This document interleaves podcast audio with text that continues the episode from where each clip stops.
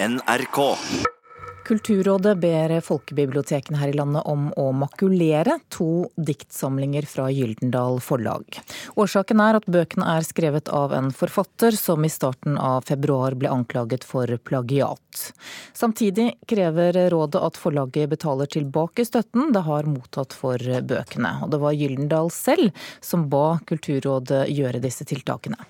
Det er veldig sjelden og kanskje aldri, at man fra Kulturrådets side har bedt om at man eh, går ut og makulerer bøkene. Det sier seksjonsleder Arne Vestbø i Kulturrådet.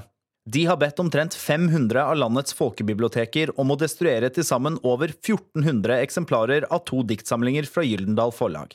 De krever også tilbakebetalt nær 200 000 kroner i støtte de har gitt bøkene gjennom innkjøpsordningen alt etter at Gyldendal selv varslet Kulturrådet om mistanke om plagiat i bøkene. Så her er det ikke noe, på en måte noe sånn lett avgjørelse, men jeg tenker at når forlaget selv som ansvarlig rettighetshaver her er så tydelig på at de ønsker å trekke det tilbake, vi definerer det jo da som en, på en måte en annullering. Sjefredaktør Kari Marstein Gyldendal har ikke anledning til å la seg intervjue av NRK i forbindelse med denne saken, men skriver følgende i en tekstmelding. Gyldendal har i samråd med og etter ønske fra forfatteren bedt om at bøkene trekkes fra bibliotekene. Vi står da selvsagt ansvarlige for å tilbakebetale beløpet vi har mottatt for dem. Gyldendal trakk selv alle diktsamlingene fra markedet da plagiatanklagene mot forfatteren kom i starten av februar. Nå må også bibliotekene destruere sine fysiske kopier og slette e-bøkene fra sine databaser. Eh, vi setter ikke i verk noen form for eh, torpedovirksomhet som gjør at noen reiser rundt og sjekker at de, de faktisk gjør det. Men, men, vi ber de sterkt eh, i denne saken om å likevel gjøre det, da, for å, for å ivareta eh, de det angår her. Leder i Forfatterforeningen Heidi Marie Krisnik hadde ikke anledning til å kommentere saken overfor NRK tirsdag ettermiddag. Da plagiatsaken først ble kjent i begynnelsen av februar, uttalte hun at selv om det er forlaget som har ansvaret for utgivelsen av boka, kan det være ekstremt utfordrende å oppdage tilfeller av plagiat i skjønnlitteratur. Det påpeker også Vestbø i Kulturrådet. Vi er avhengig av at den redaksjonelle vurderingen av om noe er plagiat, eller den vurderingen tas i forlagene. Kunne det ha vært plukka opp av våre utvalg f.eks.? Der sitter det jo folk som leser eh, alt av norsk lyrikk som kommer ut. Det var heller ingen som reagerte på det hos oss. Virkeligheten er jo sånn at sånne tilfeller kan dukke opp, så man kan aldri, aldri si aldri. Reporter var Øystein Tronsli Drabløs. Kulturkommentator her i NRK, Agnes Moxnes. Hvilket ansvar har forlagene og Kulturrådet for å avdekke plagiat? Først og fremst så er jo dette et ansvar som ligger hos eh, forfatteren. Eh, og det er jo et tillitsforhold mellom forlaget og forfatteren. Eh, samtidig så er jeg helt sikker på at det er veldig mange som går i seg selv akkurat eh, nå. Bl.a. skriveutdanningen. Dette er en forfatter som både har gått på Nansen-skolen, gått i Tromsø og i Bø. Og er de flinke nok til å bevisstgjøre forfattere eh, på hva som er et plagiat, og hva er det er et, bare et lån som forfattere kan tillate seg.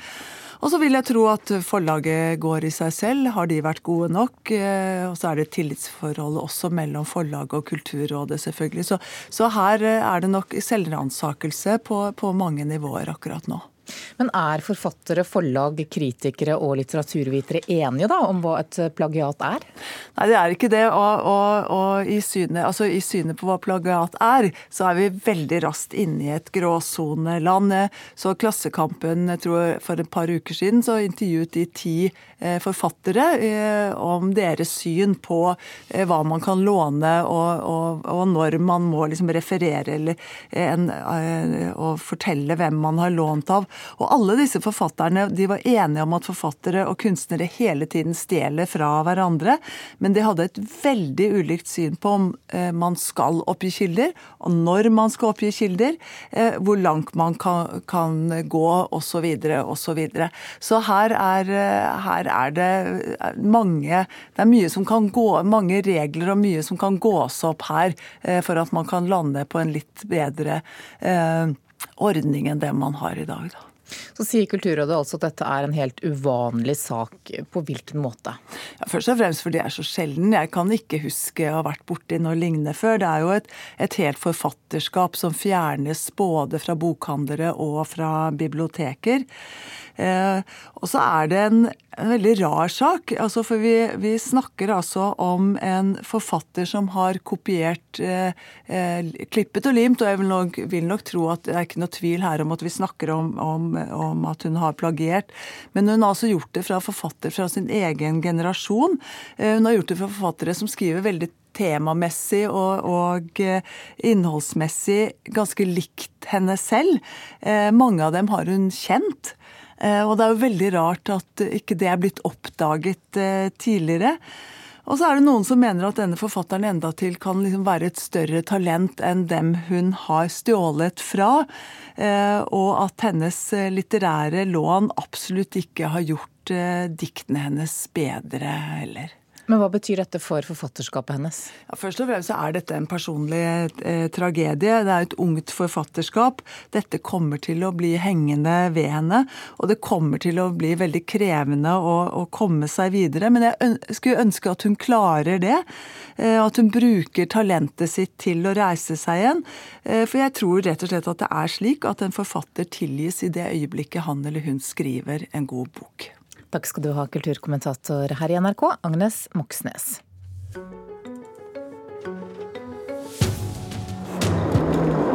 Three, two, one. Time for a little race. Okay, we're up and away. Dette her det er lyder som mange motorfans har eh, ventet på, kulturreporter Daniel Eriksen. Ja, for eh, det er jo ikke så ofte vi får lov til å snakke om bil og motor og sånn, men eh, et av verdens største TV-programmer er jo et motorprogram. Vi snakker selvfølgelig om Top Gear, som i dag sender den første episoden fra den 26. sesongen. Den episoden kommer i kveld, og hele episoden er via til norsk natur og norske veier. Det skriver BBC Brit i en pressemelding gjengitt av NTB.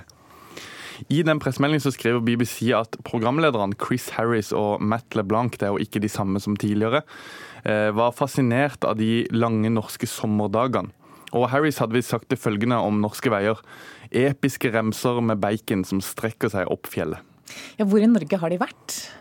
Vi vet jo ikke alt som skjer i episoden. Vi har bare sett litt eh, trailer og hørt litt som står i pressemeldinger. Men vi vet at det bl.a. blir kappkjøring på Molde flyplass, der topphastigheten ble målt til 284 km i timen. I tillegg har de vært langs Atlanterhavsveien og opp Trollstigen. Takk skal du ha, kulturreporter Daniel Eriksen.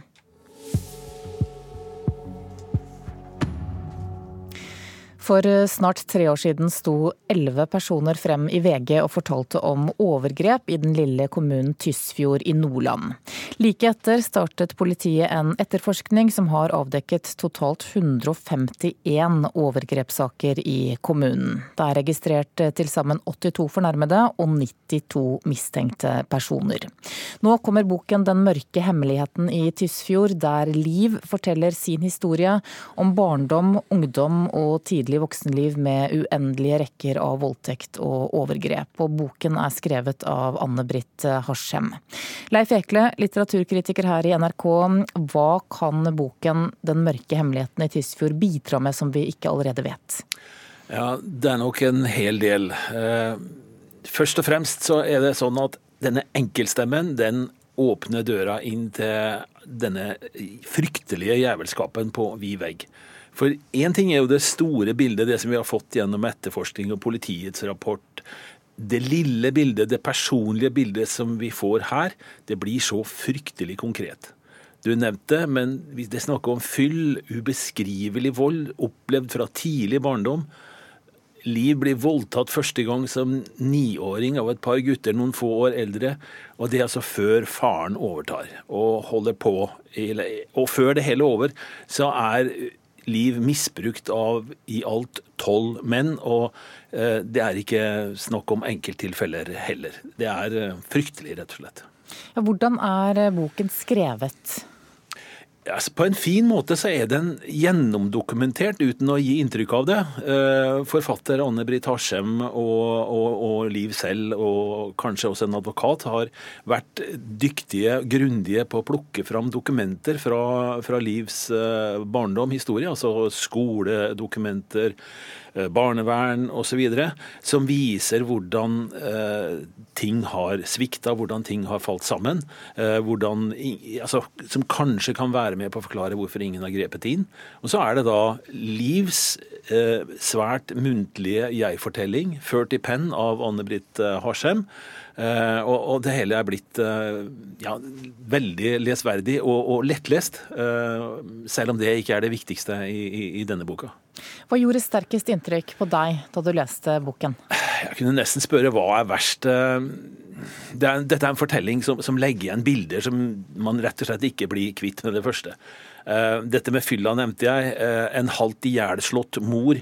En far som dreper datterens valp som straff for en bagatell eller den samme faren i en sofa med buksa rundt anklene etter at han har ropt på jenta. Nå skal de, hun komme, så de kan kose seg, og der sitter han med kjønnsorganet i hånda. Det er bare helt eh, Ja, det er ubegripelig. Hva sitter du igjen med da, etter å ha lest boken? boken? At personlige historier er viktige, at de må til, selv om det er aldri så vanskelig å snakke om bakgrunn og forklaringer. Eh, dette har jo foregått i et eh, lite lukka samfunn, samisk, læstadiansk, og dette behandler boka for øvrig seriøst og fint. Og dernest, det er ikke alt som kan eller skal tilgis. Men Gir boka noe svar på hvordan dette kunne skje i, en, i, en, i denne lille kommunen i Nordland? Ja og nei. Altså, det er nok ikke bokas oppgave heller. Eh, og, og den, men den klarer iallfall å skille klart mellom, og Liv sier da mot slutten av boka, at det var jo ikke samene som gjorde samer. Det var noen samer. Det var ikke læstadianerne eller én læstadianer. Altså det var noen læstadianere som gjorde dette. Så hun klarer på en måte å trekke denne grenseoppgangen for eh, Og så må, må man prøve å diskutere hva f.eks. marginalisering eh, og isolasjon eh, kommer av og, og fører til. Er det en viktig bok? Ja, rett og slett. Takk skal du ha, litteraturkritiker her i NRK, Leif Ekle, som altså hadde lest 'Den mørke hemmeligheten i Tysfjord' av Anne-Britt Harsem.